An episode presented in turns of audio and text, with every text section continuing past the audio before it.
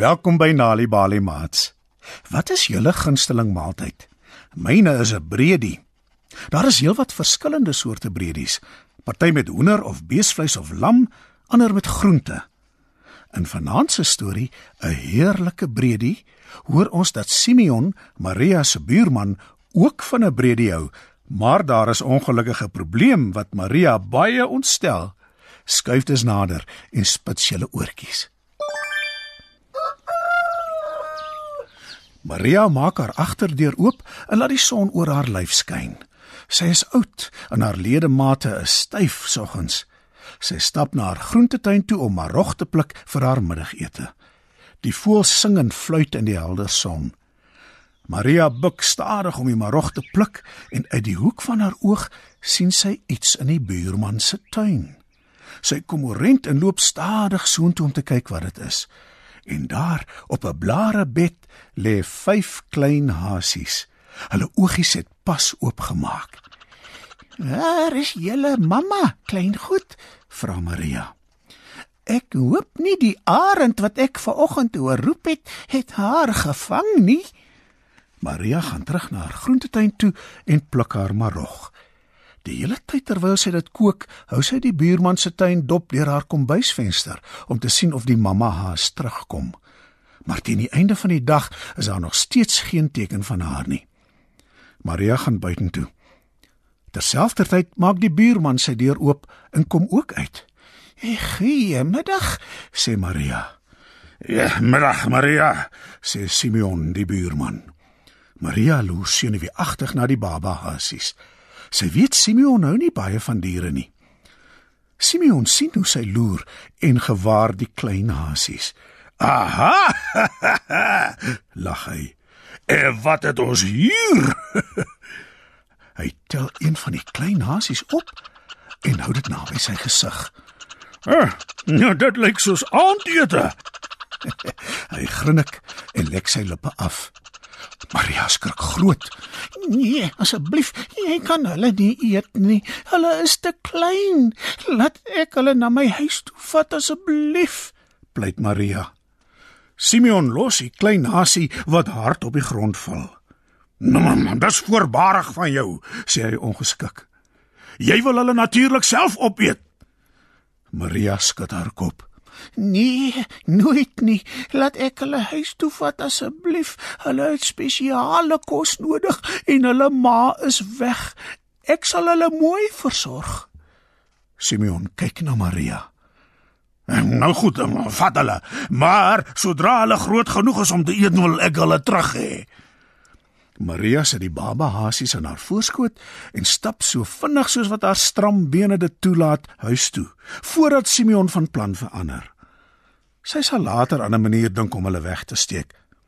Wat hulle nou nodig het, is kos. Maria kry 'n boks, is dit gras onderin.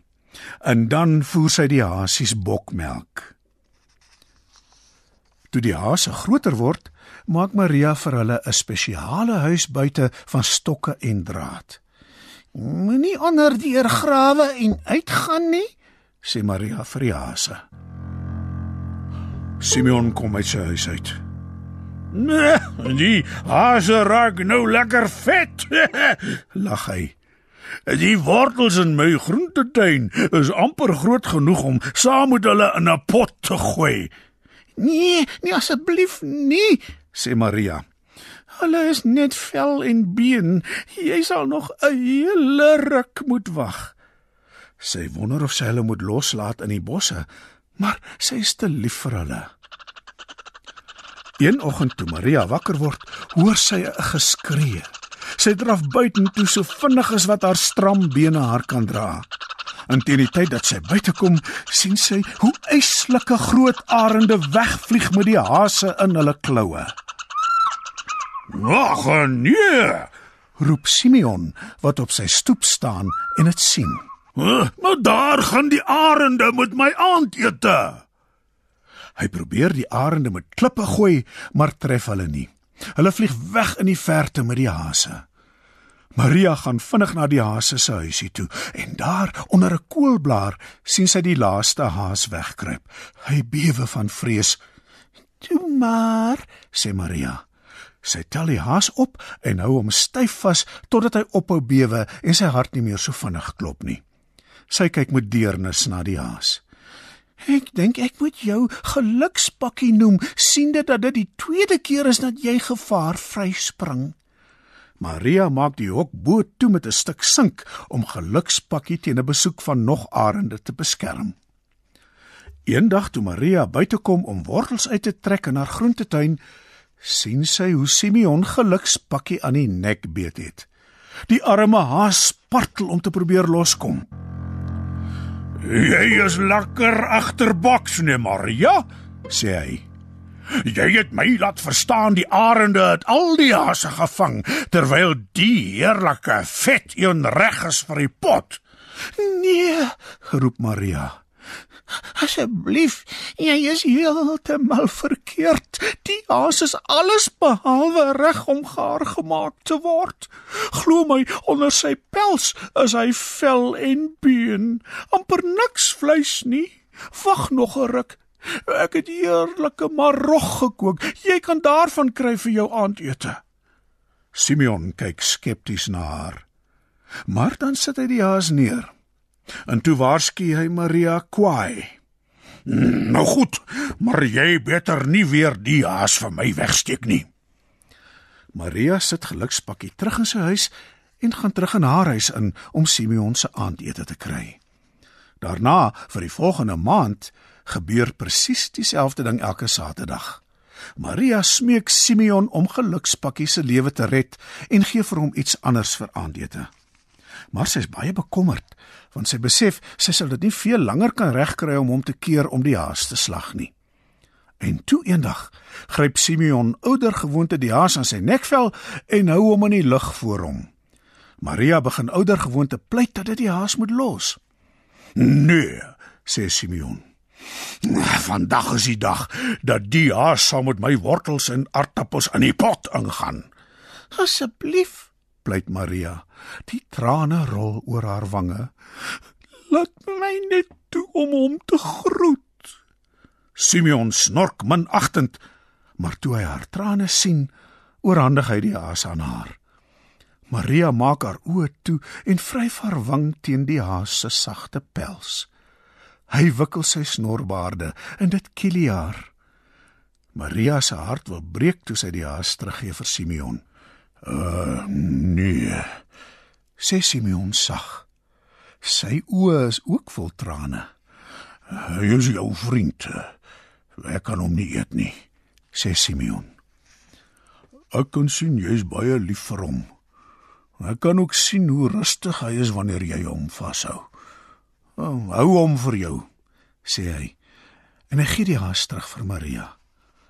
Haar trane van hartseer verander in trane van vreugde.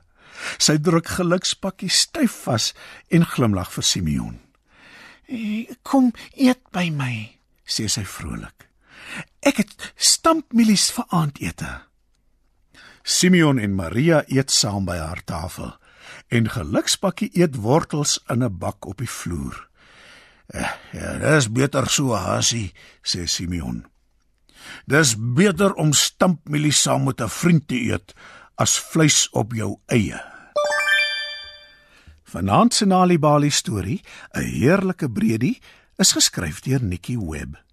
Het jy geweet deur vir kinders tuistories te vertel en te lees, help jy hulle om beter leerders op skool te word?